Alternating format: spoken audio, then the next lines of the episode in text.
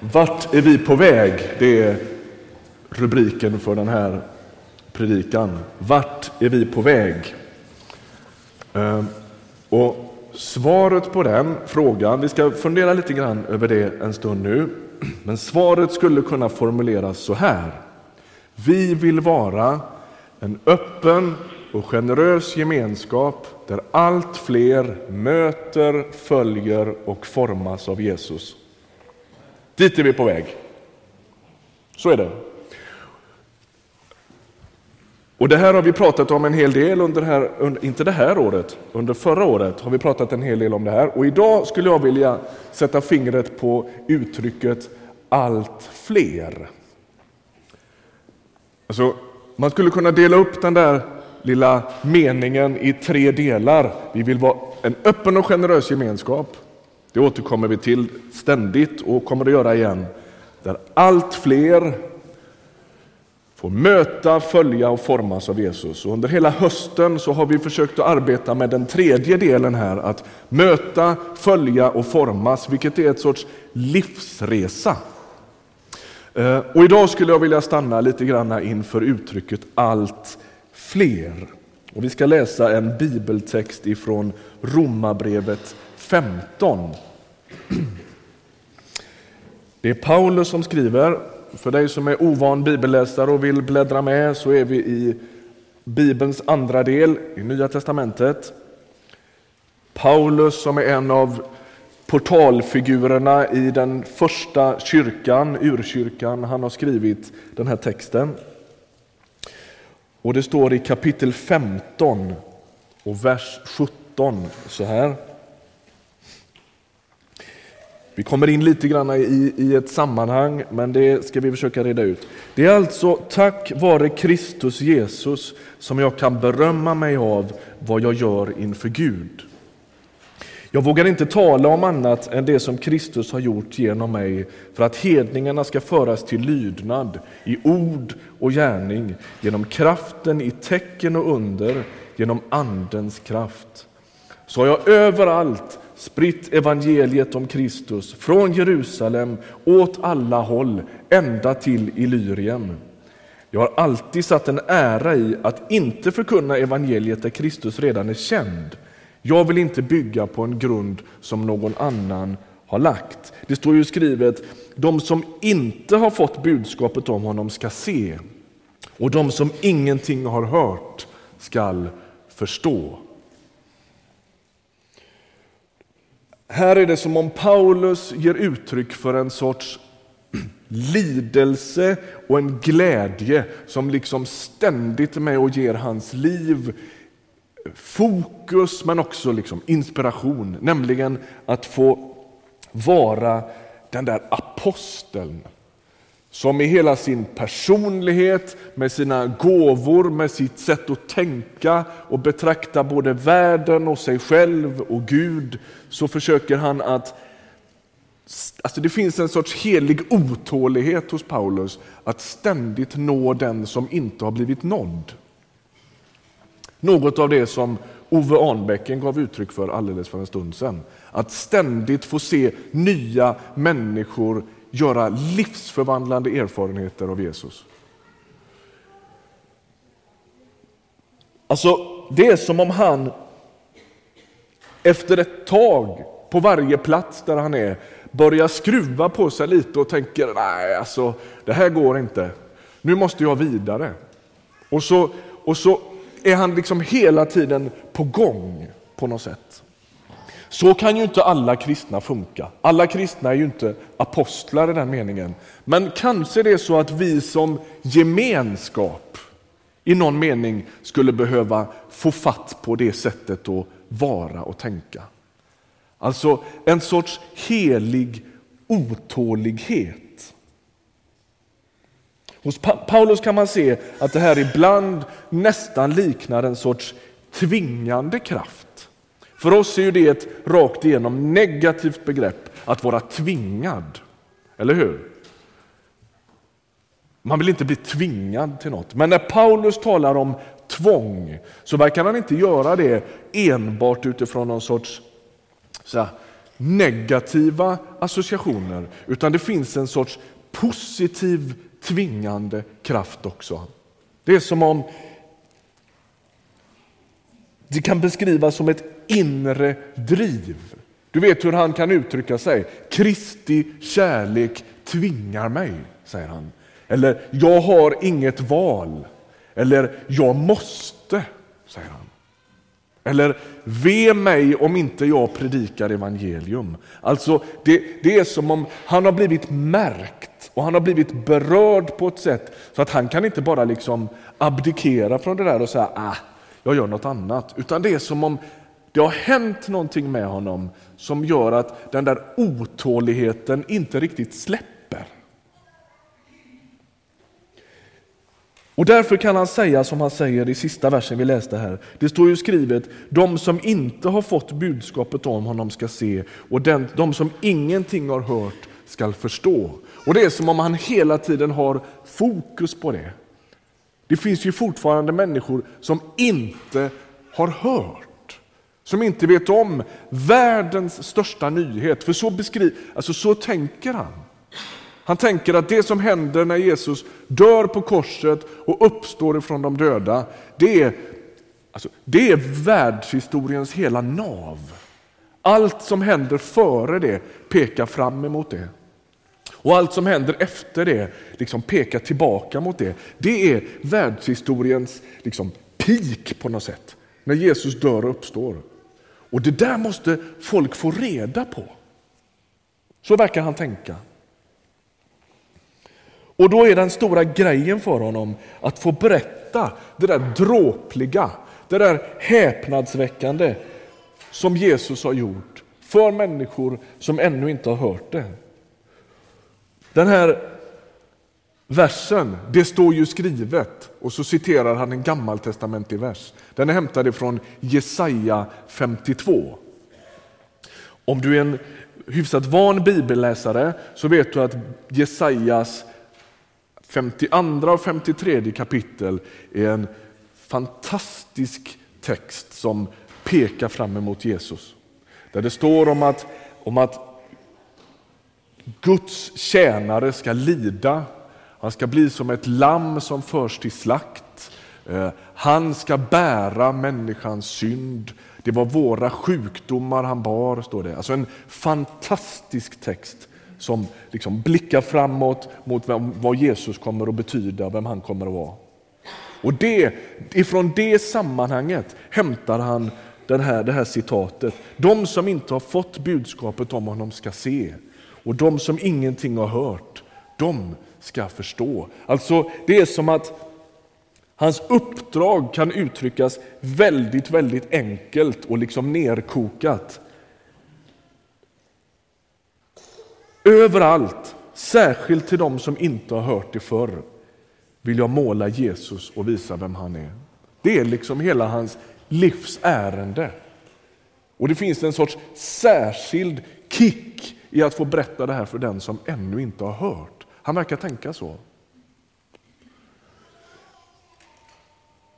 När jag satt och lyssnade till Ove för en stund sedan här så tänkte jag på liknande ögonblicksbilder som jag har sett Jag var i Tanzania för ett, eh, ett och ett halvt år sedan ungefär. Och vid Tanzanias eh, kust så är det också ett, ett rakt igenom muslim, muslimskt område.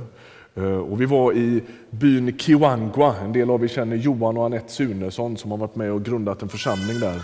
Ett fantastiskt arbete.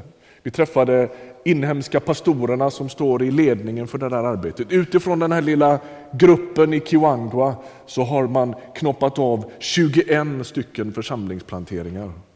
Och vi var och tittade på bönehuset eller kapellet som man firar gudstjänst i, i Bagamoyo som är den intilliggande staden. Ja, men det såg ut ungefär som på bilden här, ett litet, litet enkelt skjul. Och då berättade berättade de där hur, hur, hur det gick till när pastorn eller evangelisten gick till Bagamoyo för att grunda församling i ett rakt igenom muslimskt område där folk inte vet vem Jesus är. Så frågar man på svenskt sätt, men du, hur, vad hade ni för strategier? Hur, hur gick det till? Och, och, och, som västerlänning så tänker man omedelbart liksom, dokument och ja, du vet va, planer och grejer så säger de ja, men vi hade en strategi. Först bad vi och sen predikade vi. Så. Det var strategin. Och det bara liksom så här.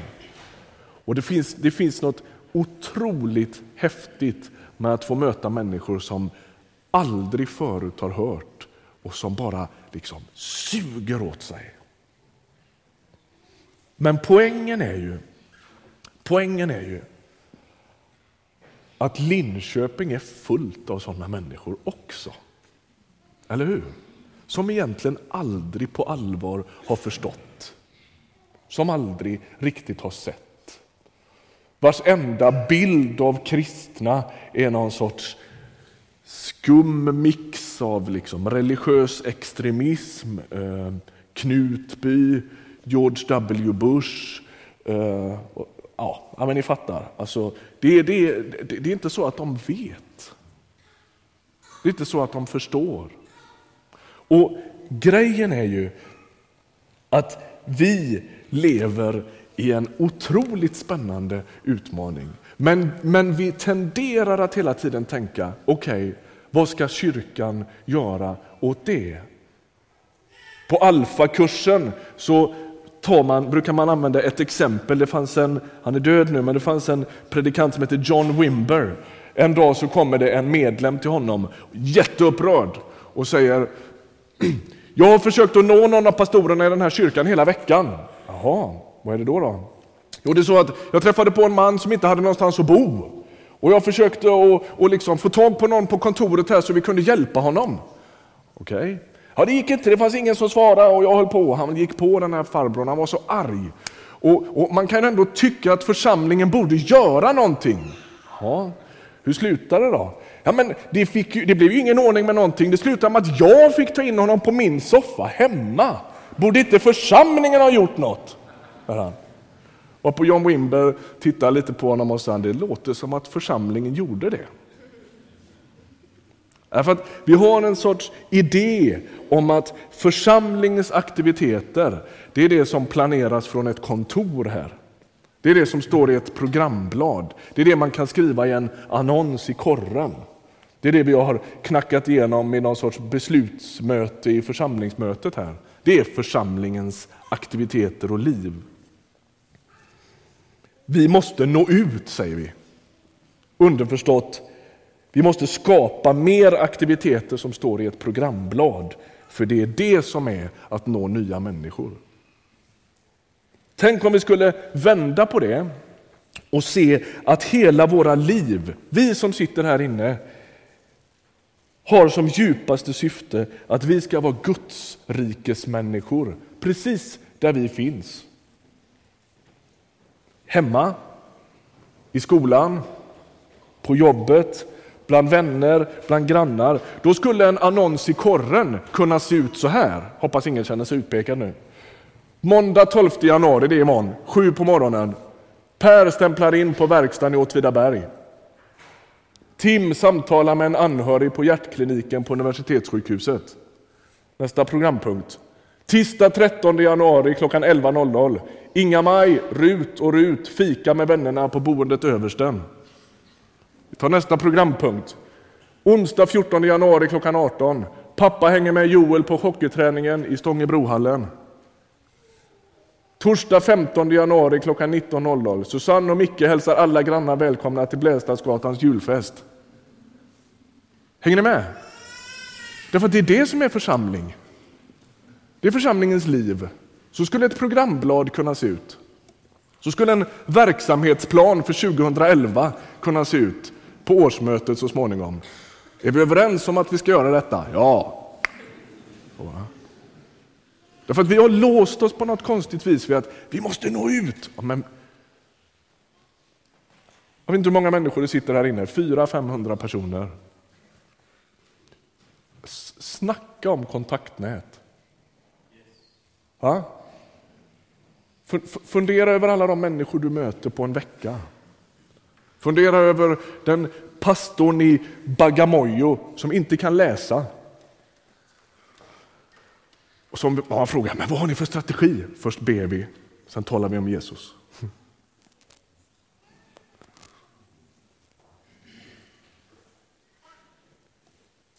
Jag satt i bänken här och funderade när Ove, Ove talade innan. Hur många missionärer har vi i den här kyrkan?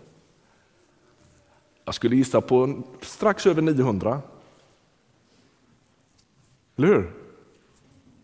Så är det ju.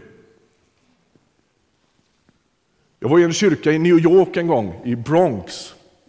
Och när vi skulle gå ut ifrån den här kyrkan så ovanför dörren på, på insidan, precis innan man gick ut, så stod det You're now entering the mission field. Stod det.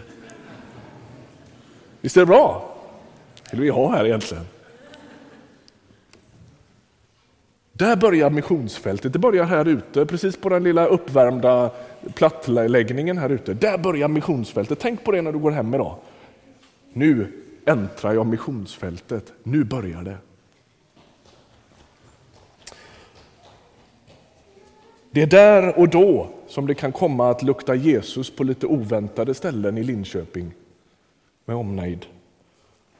Då Gud på ett överraskande sätt kan komma att använda vanligt folk som dig och mig. Fast vi kanske inte ens vet om det själva. Det är då du och jag kan vara med och leva ut en sån här bibeltext i vår vardag avslappnat, anspråkslöst, på ett, på ett, på ett okonstlat sätt. Inte på spänn. Jag anar att en del av er som sitter här inne, som är ungefär i min ålder och lite äldre, eh, omedelbart liksom, instinktivt ser en massa traktater, torgmöten, de fyra andliga sanningarna och så vidare framför er. Det är inte egentligen det jag säger, jag säger inte att det är fel, men inte riktigt det jag säger. Utan där du finns, på din skola, på din arbete, i ditt fikarum, bland dina grannar, att på ett okonstlat sätt få säga, jo men du vet jag, jag går till Ryttargårdskyrkan, jag tror på Jesus. Och du behöver inte försvara dig, du behöver inte ha ett batteri med argument i bakfickan, utan bara liksom stå för det och se vad som händer. Magnus Persson som är pastor i Malmö i församlingen United, han, han, han, jag hörde honom här om sistens och då sa han så här, om man skulle välja en biofilm eller en restaurang eller något som man ska gå på, då tittar man inte företrädesvis i, i såna här eh, recensioner i tidningen. Det vet ju alla att en, en film som, som får dåliga recensioner, den är oftast bra. Och den som är, får jättebra recensioner förstår man ingenting av. Så är det Man litar självklart på de människor som man känner. Eller hur? Man frågar vänner, vilken restaurang ska jag gå på? Eller vilken film ska jag se? Och så. Det är så det sprids. Men när vi kommer till kyrkan så har vi fått för oss att en affisch eller en annons, det är svaret. Eller hur? Lite mer grejer som händer här inne och så en annons i tidningen så kommer det att sitta som en smäck. Och Det är ju inte det att vi ska sluta ha aktiviteter här i kyrkan. Vi, vi håller på att ladda för fullt för en ny alfakurs. Det kommer att bli fantastiskt. Passa på och bjud in människor till den 1 februari. Då börjar vårens alfakurs. Det kommer att bli kanon. De här grejerna behöver inte stå emot varandra. Men det jag skulle vilja locka dig till idag, det är att liksom läsa en sån här text utifrån där du finns. Du behöver inte åka till Illyrien och Spanien och allt som nämns i de här texterna. Du behöver inte, du behöver inte åka till Bangladesh, ja en del kanske skulle behöva det. Men alltså, där du finns, där du rör dig, där du, där, där ditt, där, sådant som ditt liv blev, där kan en sån här text fästa på.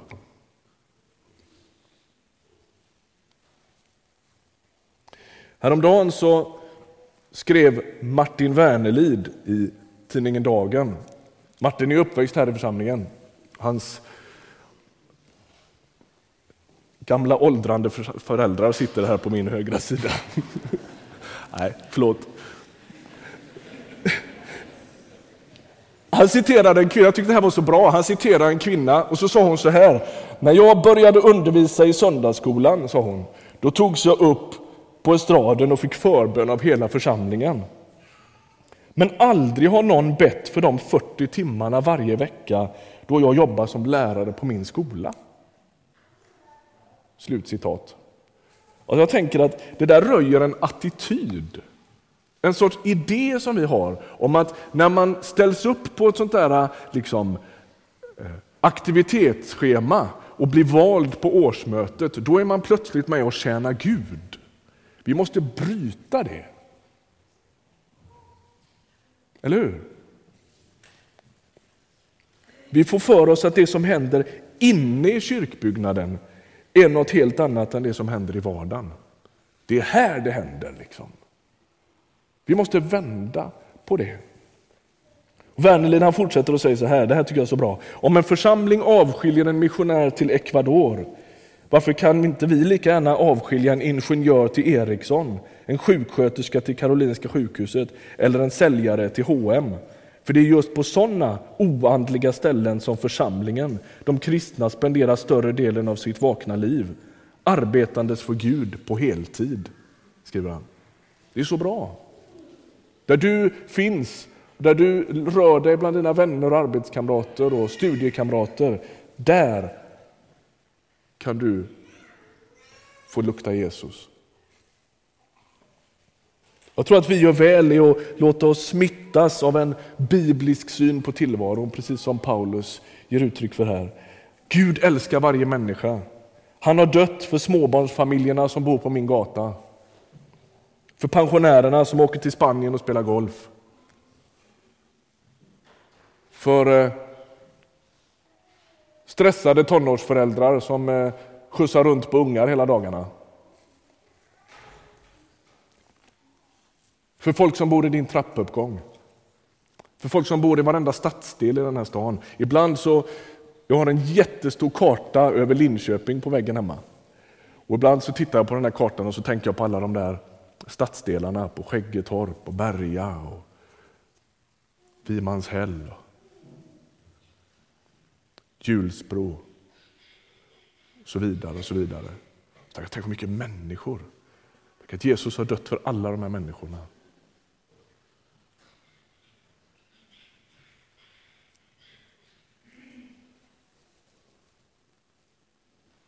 Så frågan är, vart är vi på väg?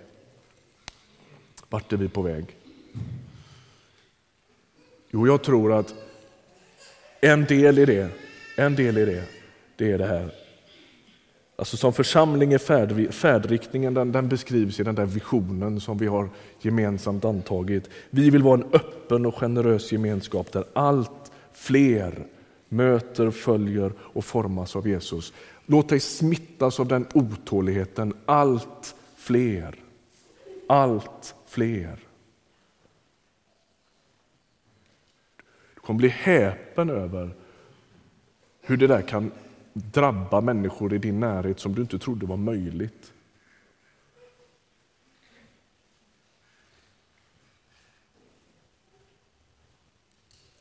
två korta glimtar från alfarbetet i Åbytorp där jag fanns förut. En kvinna som kom till Alfa. Hon hade haft en flyktig kontakt med församlingen många, många år tidigare när hennes son var dödssjuk. Han gick på fritidsgården i kyrkan där och man bad för pojken när han låg på sjukhus och hon visste att man bad och pojken klarade sig och hon hade burit med sig det där i många år. Tänk att de bad för min son i kyrkan, dit vi inte tillhörde eller gick eller brydde oss om. Och så, så småningom, 10-15 år senare, så möter hon några av församlingens medlemmar på en buss varje morgon när hon pendlar till jobbet och de börjar samtala. Har ni med Betania? Okej. Okay. Och så berättar hon sin historia och så liksom växer ett förtroende fram som slutar med att hon kommer till alfakursen och Gud bara liksom brakar in i hennes liv. Så kan man säga. Hon gör en livsförvandlande erfarenhet av vad Jesus kan betyda. Hon kommer en, en dag efter, efter slutförd alfakurs och så säger hon, det jobbar tolv personer på min avdelning på universitetet, hon jobbade där. Eh, och nu har elva av dem fått höra vem den heliga ande är. Och vi andra som satt i samtalsgruppen där, vi rådnade lite och tänkte, ja, det är i alla fall inte vi som ska lära henne. Det andra exemplet är från en, det tror jag kanske jag har nämnt här förut, Kjell han kom till Alfa på ganska vingliga vägar. Hans fru gick på Alfa. Eh, hon fick inte gå dit för honom. Han tyckte det var bedrövligt. Så hon gick liksom lite sådär utan att han visste om det. Eh, första gången han satte sin fot i vår kyrka var när hon skulle döpas efter Alfa. Hon lät döpa sig och han kom dit för att han skulle filma. Så han satt med sin filmkamera och hade aldrig varit på ett frikyrkligt möte eller liksom brytt sig om kristen tro överhuvudtaget. Och blir helt knockad av det han är med om. Anmälde sig till en alfakurs. Gick alfa flera gånger för att han tyckte att han behövde det. Liksom. Kom till mig efter en predikan och så sa han, man kan aldrig höra nog om Jesus. Sa han. Och var med om en sån resa. Och skulle jag skicka med dig det idag. Den som inte har hört och den som inte har förstått. Låt dig smittas av det. Det är ju festgudstjänst idag. Så låt mig avsluta med att läsa från Uppenbarelseboken 7. Jag vill att du ska tänka på människor i din trappuppgång, på din gata, på din, i ditt fikarum, på dagiset där du lämnar barna. När vi läser det här. Uppenbarelseboken 7 och 9. Det är en sorts inblick i vad som kommer. Sen såg jag och se en stor skara som ingen kunde räkna av alla folk och stammar och länder och språk. De stod inför tronen och lammet klädda i vita kläder med palmkvistar i sina händer och de ropade med hög röst Frälsningen finns hos vår Gud som sitter på tronen och hos lammet. Ska vi be. Herre, Herre, vi ber att vi skulle få smittas av ett sådant perspektiv. Vi ber att, att du på något sätt skulle få påminna oss om en sån här text när vi lever våra alldeles vardagliga liv. Tack att du har satt oss där du har satt oss av ett skäl. Vi ber att få användas av dig. Vi ber att få vara lyhörda för din ledning. Vi ber att få vara medvetna om att vi djupast sett tillhör dig och representerar dig. Låt ditt rike komma genom våra liv. Låt människor få, en, en smak på dig genom våra liv. Vi ber att vi på ett avslappnat, opretentiöst och okonstlat sätt skulle få dofta Jesus. Vi ber om det. Jag vill be för vår församling att vi på något sätt skulle få hjälp att liksom vända på riktningen. Vi ber att vi skulle förstå att du har kallat oss vid namn, att du har en tanke och en plan och ett uppdrag för var och en av oss som tror på dig. Tack att du hör bön. Amen.